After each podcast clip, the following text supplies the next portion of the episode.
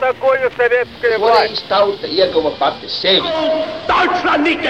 Liktenīgas nejaušības un slēptas likumsakarības, subjektīvas patiesības un objektīvi aizspriedumi. Pēc atkušņa nekad nenāk uzreiz pavasars, bet sākās Arī šodien cilvēki ir ļoti tuvredzīgi. Viņi redz to naudu, kas ir. Televīzijā jau pamatā notiek cīņa par varu. Pagātne no šodienas skatu punkta un šodienas caur pagātnes prizmu. Raidījumā šīs dienas acīm. Katru svētdienu Latvijas radio eterā Eduards Liniņš. Labdien, cienījamie klausītāji! Gadsimtu gaitā attiecības starp Tibetu un tās lielo austrumu kaimiņu Ķīnu ir piedzīvojušas dažādus periodus. Reālu vāru pār Tibetu Ķīnas impērija ieguva 18. gadsimta pirmajā pusē. Taču jau 19. gadsimta vidū, līdz ar impērijas pagrimumu un krīzi, šī vara kļuva gluži nomināla. Bet pēc tam, kad 1912. gadā impērija sabruka, Tibeta kļuva faktiski neatkarīga valsts. Vara tajā piederēja garīgajam līderim Dalai Lamam. Cik tālu jau vairākus gadsimtus pirms tam, Dalai Lamas Tibetā bija bijuši arī nozīmīgākie vietējie laicīgās varas nesēji. Tomēr starptautiski Tibetas valsts neieguva atzīšanu, un vairums pasaules valstu uzlūkoja to kā Ķīnas sastāvdaļu. 1950. gadā komunistiskais Ķīnas režīms uzvarējis pilsoņu karā un, izmantojams savu militāro pārākumu, atgrieza Tibetu Ķīnas pakļautībā. Nebija ilgi jāgaida, līdz starp tibetiešiem un viņu jaunajiem kaklakungiem uzliesmoja konflikts 1959. gada sacelšanās, kas tika ar brutālu spēku apspiesta. Dalai Lama devās trimdā uz Indiju, līdzi viņam arī desmitiem tūkstošu tibetiešu. Jau drīz pēc ierašanās patvēruma zemē garīgais līderis uzsāka nozīmīgu reformu procesu, izveidojot Tibetas trimdas parlamentu un valdību. Kopš 2011. gada šai trimdas valdībai ir vispārējās demokrātiskās vēlēšanās ievēlēts vadītājs jeb Sikjongs. Šobrīd šo amatu ieņem 1967. gadā dzimušais ekonomists Penpa Cerings. Pagājušo nedēļu Sikjongs Cerings apmeklēja Latviju un cita starpā bija mans sarunbiedrs Latvijas radio studijā. I would like to start with, uh, uh, to some extent, personal question. Mm -hmm. Es gribētu sākt ar zināmā mērā personisku jautājumu. Cik loģiski ir jaunam tibetiešu trimdas kopienā dzimušam cilvēkam izvēlēties politisko karjeru? Cik nu mēs to varam saukt par karjeru, drīzāk varbūt šo sūtību, šo dzīves ceļu? Kādi bija motīvi, kas lika jums kļūt par daļu no šiem politiskajiem centieniem un vēlāk par šīs kustības līderi? I was born about seven years after His Holiness the Dalai Lama, followed and preceded by about 80 85,000 Tibetans, came into India, uh, including my parents. Es piedzimu apmēram septiņus gadus pēc tam, kad sekojot viņa svētībai Dalai Lamam, un arī jau pirms tam aptuveni 85,000 tibetiešu ieradās Indijā, tostarp arī mani vecāki. Tātad, kad mēs bijām jauni, atmiņas par Tibetu mūsu vecākiem bija ļoti svaigas. Mēs bijām pārcēlušies uz gluži citu valsti. Kā mazs bērns, es vienmēr dzirdēju stāstus par dzimteni, dzirdēju, ko runāja mans tēvs un māte, runāja kaimiņi. Mēs nu bijām trimdā. Un tas ļoti iesakņojās mūsu prātā, ka mums ir papildu atbildība. Mans tēvs man bieži teica, iegūšam izglītību, tev ir jākalpo viņa svētībai Dalai Lamam un jākalpo savai tautai. Tāpēc pat ļoti jauni mēs jau bijām motivēti strādāt sava mērķa labā. Un es jau to laiku nolēmu, ka man ir jāveltī sava dzīve savai valstī un tautai. Tā es jau skolas un koledžas laikā iesaistījos politiskā darbībā. Tad, protams, tiku ievēlēts parlamentā, un tagad esmu politiskais līderis, kur tibetieši ievēl tiešās vēlēšanās. Jāatzīst, ka manai auditorijai un vidusmēra Latvijas sabiedrībai vispār tibetiešu trimdas valdība nav kaut kas sevišķi labi zināms. Mums ir vairāk priekšstata par Tibetas garīgo līderi Dalai Lāmu, tā skaitā pateicoties arī jūsu vizītes organizētāja Jāņa Mārtiņa Skujas aktivitātēm. Dalai Lama Latvijā ir ievērots, viņš ir apmeklējis mūsu valsti. Vai jūs varētu raksturot, kāda ir saistība starp tibetiešu politisko vadību, trimdas valdību un viņa svētību Dalai Lāmu? His Holiness the Dalai Lama was born in 1935. And he was just, when he was about 10 years old, the Second World War just finished.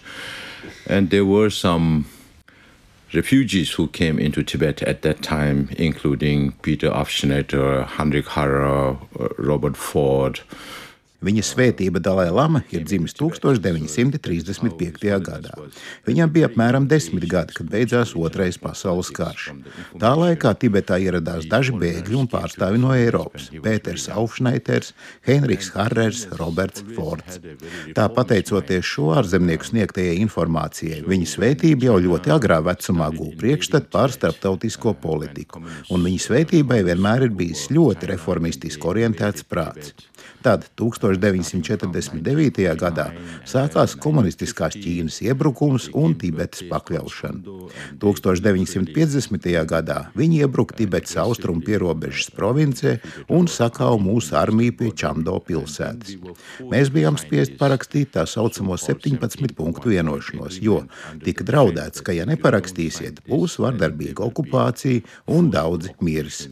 Tāpēc mēs bijām spiesti to parakstīt un centāmies dzīvot dzīvot saskaņā ar šo līgumu. Līgums paredzēja tibetiešiem lielu autonomiju, bet līdz tam Tibeta taču bija neatkarīga valsts.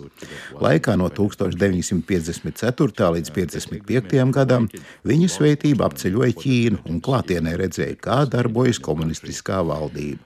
Viss izskatījās ļoti sakārtoti, tomēr cilvēkiem nebija ļauts brīvi runāt. Tad 1956. gadā viņa svētība Dalai Lama devās ceļojumā uz Indiju. Indija tobrīd bija tikai savas topošās demokrātijas veidošanās stadijā, apmēram desmit gadus kopš ieguvusi neatkarību. Dalai Lama apmeklēja Indijas parlamentu, un, lai gan tur notiekošais viņam šķita diezgan haotisks, tur cilvēki baudīja runas brīvību. Tā bija kvalitāte, kuru viņš novērtēja. And then, when His Holiness had to flee, as I mentioned before, in 1959 to India, and we were under very, very difficult circumstances 80, 85,000 Tibetans in India. You know, Tibet is very high.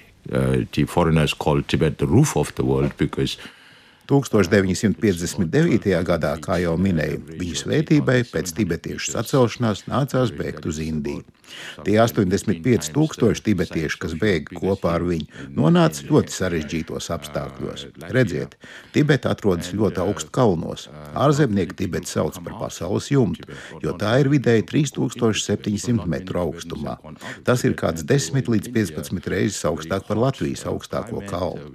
Tibetā nebija viegli nokļūt, un arī tibetiešiem nebija viegli no turienes izceļot. Attiecīgi, līdz tam maz tibetiešu bija ceļojuši ārpus dzimtenes.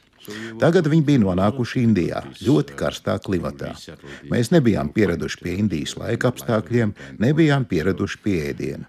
Lai gan tibetiešu rakstība nāk no Indijas, runātā valoda tomēr ir atšķirīga. Tāpēc šiem pārvietotajiem cilvēkiem sākumā neklājās viegli. Nebija viegli atrast iztiku, iekārtoties. Tad viņa svētība izlēma, ka mums ir jābūt reprezentatīvai valdībai. Tāda bija viņa vēlēšanās.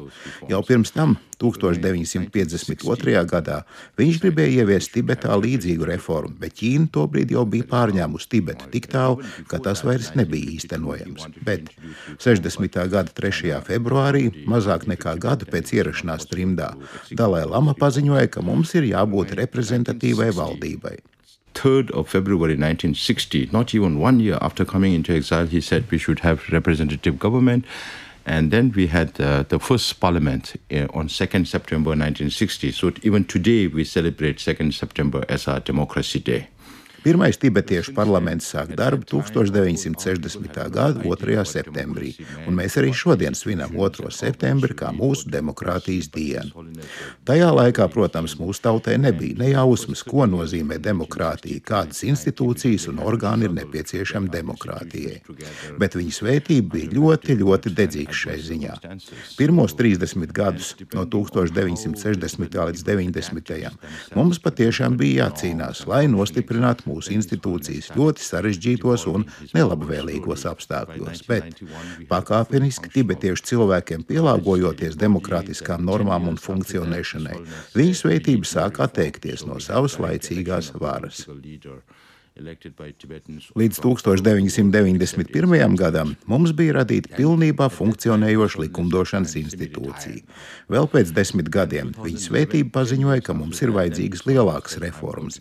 Ir jāievieš tiešas politiskā līdera vēlēšanas, kurās piedalīsies tibetieši no visas pasaules, izņemot Tibetu. Līdz ar to viņa svētība teica, ka ir jau daļēji atvaļināts, un tad desmit gadus vēlāk, 2011. gadā, paziņoja, ka nodod visus savus politiskos un administratīvos pienākumus. Tos tagad simtprocentīgi uzņēmās ievēlētā politiskā vadība. Pirmos desmit gadus politiskā līdera, jeb Sikjonga amatu ieņēma mans priekšgājējs Lobsangs Sangais. Man šis ir pirmais termiņš amatā. Pirms tam es 20 gadus biju parlamenta loceklis, no tiem septiņus ar pusi gadus spīkers. The Tibetan diaspora community is about 130,000 Tibetans. Uh, as of today, we are talking about 72, 73,000 Tibetans in India, about 10,000 in Nepal, and the rest of about 50,000 Tibetans are in Europe, North America, Australia, Japan, uh, some 25, 30 different countries. Tibetiešu diasporas kopienā ir aptuveni 130 tūkstoši cilvēku. Šobrīd mēs runājam par 72 līdz 73 tūkstošiem tibetiešu Indijā, aptuveni 10 tūkstošiem tibetiešu Nepālā, bet pārējie aptuveni 50 tūkstoši tibetiešu dzīvo Eiropā, Ziemeļamerikā, Austrālijā, Japānā un vēl aptuveni 25 līdz 30 dažādās valstīs. Visas mūsu demokrātiskās institūcijas atrodas Daramsalas pilsētā, Himāčalas Pradēšas pavalstī Indijas ziemeļos. Tur darbojas mūsu ministru kabinets ar septiņām pakļautajām ministrijām - reliģijas un kultūras, informācijas un starptautisko attiecību, iekšlietu, drošības, veselības, izglītības un finanšu ministrijām. Vēl mums ir augstākā tieslietu komisija, lai gan mēs nevaram būt neatkarīga tiesa, jo mums ir jāievēro Indijas likumi. Taču mēs vairāk darbojamies kā šķīrēties, ievērojot visus likumdošanas aktus. Mūsu parlamentā ir 45 deputāti. Man jāpavēst latviešiem, ka mēs esam vienīgā bezpartiju demokrātija pasaulē. Mums nav politisko partiju, tātad nav opozīcijas, nav valdošās partijas. Katrs indivīds ir kā atsevišķa politiska partija. Ja vien jūs nenododat savus balstiesības kādam citam, jums ir brīvība lemt pašam. Vēlēšanu apgabals veido trīs lielās Tibetas provinces - Kama, Amdo un Ucanga, jeb centrālā Tibeta. Katra no provinču kopienām, neatkarīgi no vēlētāju skaita, ievēl desmit deputātus, kas kopā tātad dod 30 deputātus. Tibetiešu dzīvesveidā ļoti nozīmīga loma vienmēr ir bijusi reliģijai. Mums ir četras budismu skolas un vēl viena pirmsbudisma reliģija ar nosaukumu Bon. Katra no šīm tradīcijām ievēl divus deputātus, tātad pavisam desmit. Vēl divus deputātus ievēl tibetieši, kur dzīvo Eiropā, divus tie, kas dzīvo Ziemeļamerikā, un vēl vienu tie, kur dzīvo Āzijā, ārpus Indijas, Nepālā, Butānā, citur Austrumāzijā un Austrālijā. Tātad šobrīd mums parlamentā ir 45 deputāti. Vēl mums ir sava vēlēšana komisija, civildienestu komisija un savs valsts kontroliera birojs. Mēs ar lepnumu varam teikt, ka mūsu sistēmā nav nekādas korupcijas, jo mūsu audits ir ārkārtīgi stingrs, un mēs izmantojam visu naudu tam, kam tā ir paredzēta. Vēlēšana komisija reiz piecos gados organizē Sikjonga un parlamenta vēlēšanas. Tās notiek vienā dienā visā pasaulē, bet zināms laiks paiet, kamēr tiek saņemti rezultāti. Tā mēs funkcionējam. Mēs varam secināt, ka tibetiešu kopienai Indijā ir sava politiskā autonomija. Kā tas iekļaujas Indijas politiskajā sistēmā? Vai tā ir sava veida vienošanās, kāds likums, kā tas formāli ir nokārtots? India is not a signatory to the UN Convention of Refugees. India takes executive decision on different refugees, not just Tibetan refugees in India. You have Afghan refugees, you have Burmese refugees, Nepalese, Sri Lankan, so many. Indija nav parakstījusi ANO bēgļu konvenciju. Tātad Indija katrā atsevišķā gadījumā pieņem administratīvus lēmumus par dažādiem bēgļiem, ne tikai tibetiešiem. Indijā ir afgāņu bēgļi, ir birmas bēgļi, nepālieši, šrilankieši, daudz dažādu bēgļu. Tas ir izpildvaras lēmums, ko Indijas valdība pieņem šajā gadījumā par Tibetu. Kā jau minēju iepriekš, mūsu valoda ir nākusi no Indijas. Mūsu reliģija ir nākusi no Indijas. Kultūras un reliģijas ziņā mēs esam daudz tuvāk Indijai nekā Ķīnai. Tibetieši ļoti ciena Indiju, jo tur ir dzimis Buda, tur ir mūsu ticības pirmsākumi. Tāpēc pastāv šīs īpašās saiknes. Un arī Indijai ir šī ieinteresētība, jo mēs esam bijuši kaimiņi kopš vispār apdzīvojam savas zemes. Tā nu Indija ir bijusi ļoti laipna pret mums un ļāvusi mums izveidot šīs organizācijas. Un mēs arī esam bijuši ļoti rūpīgi visā, ko darām. Mēs reģistrējam visas mūsu organizācijas saskaņā ar Indijas biedrību reģistrācijas likumu un ārvalstu finansējumu regulējumu likumu. Tātad visas mūsu institūcijas saskaņā ar Indijas tiesību aktiem ir reģistrētas sabiedriskās organizācijas. Mēs darbojamies saskaņā ar Indijas likumiem un pateicoties Indijas valdības labvēlībai. So we function as per the Indian law and then also benevolence of Indian government. Jūs minējāt, ka lielākā daļa jūsu parlamenta deputātu ir ievēlēti atbilstoši Tibetas reģionālajai struktūrai. Vai tas nozīmē, ka tibetiešiem, kuri dzīvo pašā Tibetā, komunistiskās Ķīnas robežās, ir kāda iespēja piedalīties vēlēšanu procesā? It is not possible for Tibetans inside to participate in our democratic uh, process in exile. Initially, after we lost independence uh, and we fled into India as exile, Tibetiešiem dzimtenē nav iespēja piedalīties mūsu demokrātiskajā procesā trimdā. Sākotnēji, pēc tam, kad zaudējām neatkarību un devāmies trimdā uz Indiju, Tibetā mēs piedzīvojām ļoti, ļoti grūtus laikus. No 1959. līdz 66. gadam bija liels bats un trūkums, plašas represijas. Tad no 1966. līdz 76. gadam Ķīnā notika tā saucamā kultūras revolūcija, kuras desmit gadus skāra arī Tibetu. Sarkanā armija iznīcināja valstī visu veco. Tibetā Ķīna iznīcināja apmēram 6000 klosteru, un tie bija ļoti lieli klosteri ar 6-7 tūkstošiem mūku katrā. Kopumā aptuveni miljons un 200 tūkstoši tibetiešu ir gājuši bojā tiešās represijās vai netieši Ķīnas okupācijas rezultātā. Pēc tam, kad 1976. gadā nomira Ķīnas komunistiskais diktators Mao Zeduns, pirmos četrus gadus pie varas bija viņa līdzgaitnieks Densis Jaupins. Viņš mēģināja ieviest zināmu liberalizāciju. 79. gadā Denis Jaupins tikās ar viņa svētības Dalai Lamas vecāko brāli, un šīs tikšanās laikā paziņoja, ka izņemot Tibetas pilnīgu neatkarību, par visu pārējo mēs varam runāt. Samērā liberāls bija arī Denis Jaupina sekotājs Ķīnas kompartijas ģenerālsekretāra amatā Hu Jaubāns. Viņš nosūtīja savus cilvēkus izpētīt situāciju Tibetā, cik tālu komunistiskajā sistēmā apakšnieki neziņo priekšniecībai patiesību. Pārbaudas atklāja, ka situācija Tibetā ir daudz ļaunāka nekā pirms 1949. gada. Pēc šiem atklājumiem no Tibetas tika atsaukti 85% tur iesūtīto Ķīnas komunistu varas vīru. Tā 80. gada pirmā puse Tibetē kļuva par mazu brīvības laikmetu. Tas beidzās 87. gadā, kad Tibetā notika nemieri un tika ieviests karastāvoklis, ko īstenoja toreizējais Ķīnas kompartijas Tibetas sekretārs, vēlākais Ķīnas prezidents Hūds Jiņtao. So then again, Chiang Zemin uh, took over from there. Then Hu Jintao was there. Uh, during those times, China was more focused on liberalization and uh, market economy and all that. Now, Since uh, Xi Jinping came into power in 2012, 2013, then it became more restrictive.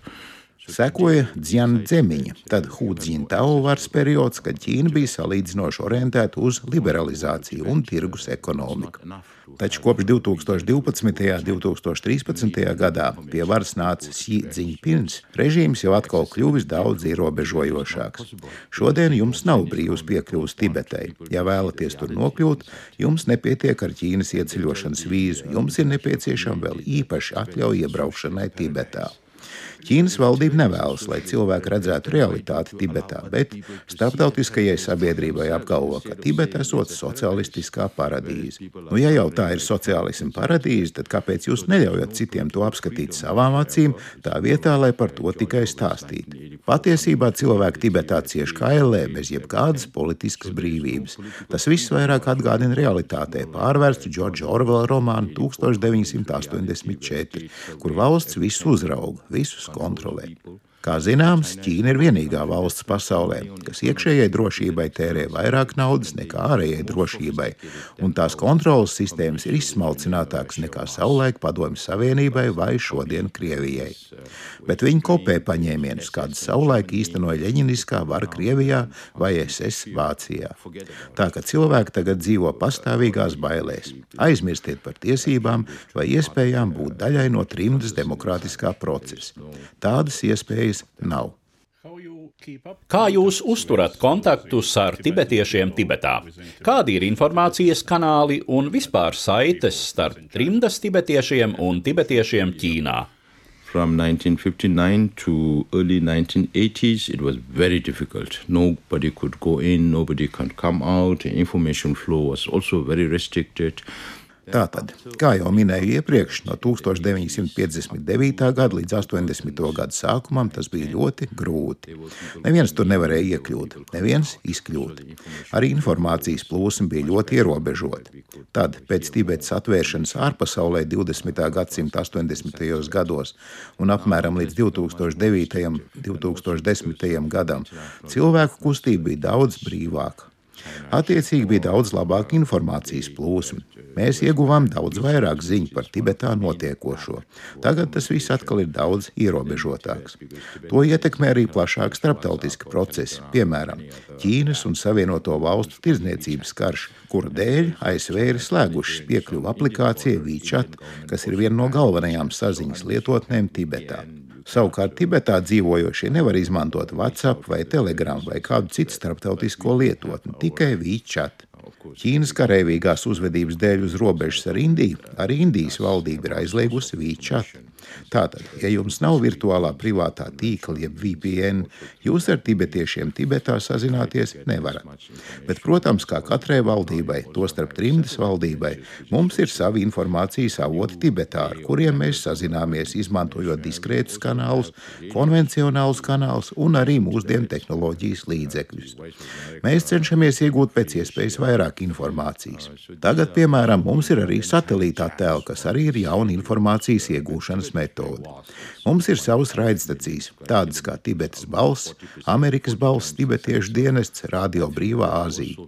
Ķīna visus šos raidītājus slāpē, tomēr Tibeta ir ļoti plaša. Tās teritorija ir 2,5 miljonu kvadrātkilometru, tātad gandrīz 40 reizes lielāka par Latviju.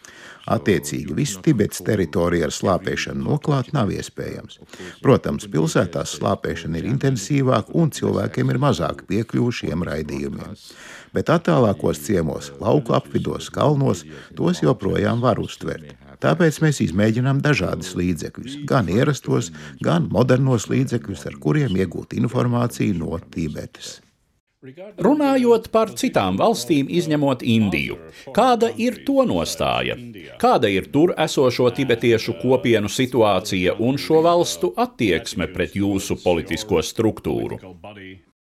Uh, many Asian countries have a lot of sympathy for Tibet. Of course, India is our host, uh, and uh, they have been very, very supportive for, for, for us on humanitarian grounds. But politically, there are a lot of sensitivities. Daudzām Āzijas valstīm ir lielas simpātijas pret Tibetu. Protams, Indija ir mūsu patvēruma zeme, un viņi mūs ir ļoti, ļoti atbalstījuši humānajā sfērā. Tomēr politiski tas ir saistīts ar daudziem jūtīgiem aspektiem. Mums ir 3600 km gara robeža starp Indiju un Ķīnu, kas ir viena no rūpīgāk apsargātajām robežām pasaulē un kas agrāk bija Indijas un Tibetas robeža. Tāpēc es nepārstāju uzsvērt, ka Tibeta ir svarīga ne tikai tibetiešiem, bet arī globāli Tibetas ģeopolitiskā un ģeostrateģiskā novietojuma dēļ. Uz dienvidiem no Tibetas ir Indija, Nepāla, Butāna un Bīrama, uz austrumiem Ķīna, uz ziemeļiem Austrum Turkestāna un Mongolija. Tātad ģeopolitiski, strateģiski Tibeta ir ļoti svarīga vieta. Tas ir ļoti jūtīgs jautājums Indijai, jo vienošanās, kas nosaka Indijas un Tibetas Tibets robežu, tā dēvēto Makmahonu līniju, tika parakstīta 1914. gadā tieši starp toreizējo Britu Indiju un neatkarīgo Tibetu un Ķīnas karavīgā uzvedība uz šīs robežas nekāda nenāk par labu. Arī Japāna mums ļoti simpatizē. Šobrīd mēs vērojam, kā savu pozīciju mums par labu maina Dienvidkoreja, jo tagad tā kļūst par daļu no Āzijas un Klusā okeāna demokrātisko spēku bloka, kurā ietilpst Japāna, Dienvidkoreja, Jaunzēlanda un Austrālija.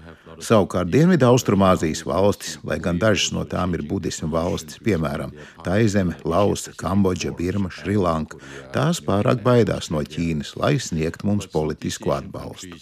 Even though some are Buddhist countries like Thailand, Laos, Cambodia, Burma, Sri Lanka, they are too afraid of China. Uh, to render us political support, uh, but there is sympathy. Protams, sabiedrības un atsevišķu politisko līderu simpātijas pastāv visur, taču tās nevar pilnīgi brīvi izpausties pat piemēram Japānā. Vienīgā valsts, kurā pastāv likumdošana Tibetas jautājumā, ir Amerikas Savienotās valstis. Mums bija oficiāls attiecības ar Amerikas Savienotajām valstīm 50. gadu beigās un 60. gados, līdz laikam, kad vispirms Kisingers un tad Niksons apmeklēja komunistisko Ķīnu un sākās tā saucamā Ķīnas atvēršanās pasaulē. 1979. gadā mūsu valdības oficiālās attiecības ar Amerikas Savienotajām valstīm tika pārtrauktas, bet tad atkal atjaunotas 1987. gadā, un pēc tam tās ir tikai uzlabojušās. Amerika smagā pieredzē ir mācījusies apieties ar Ķīnu.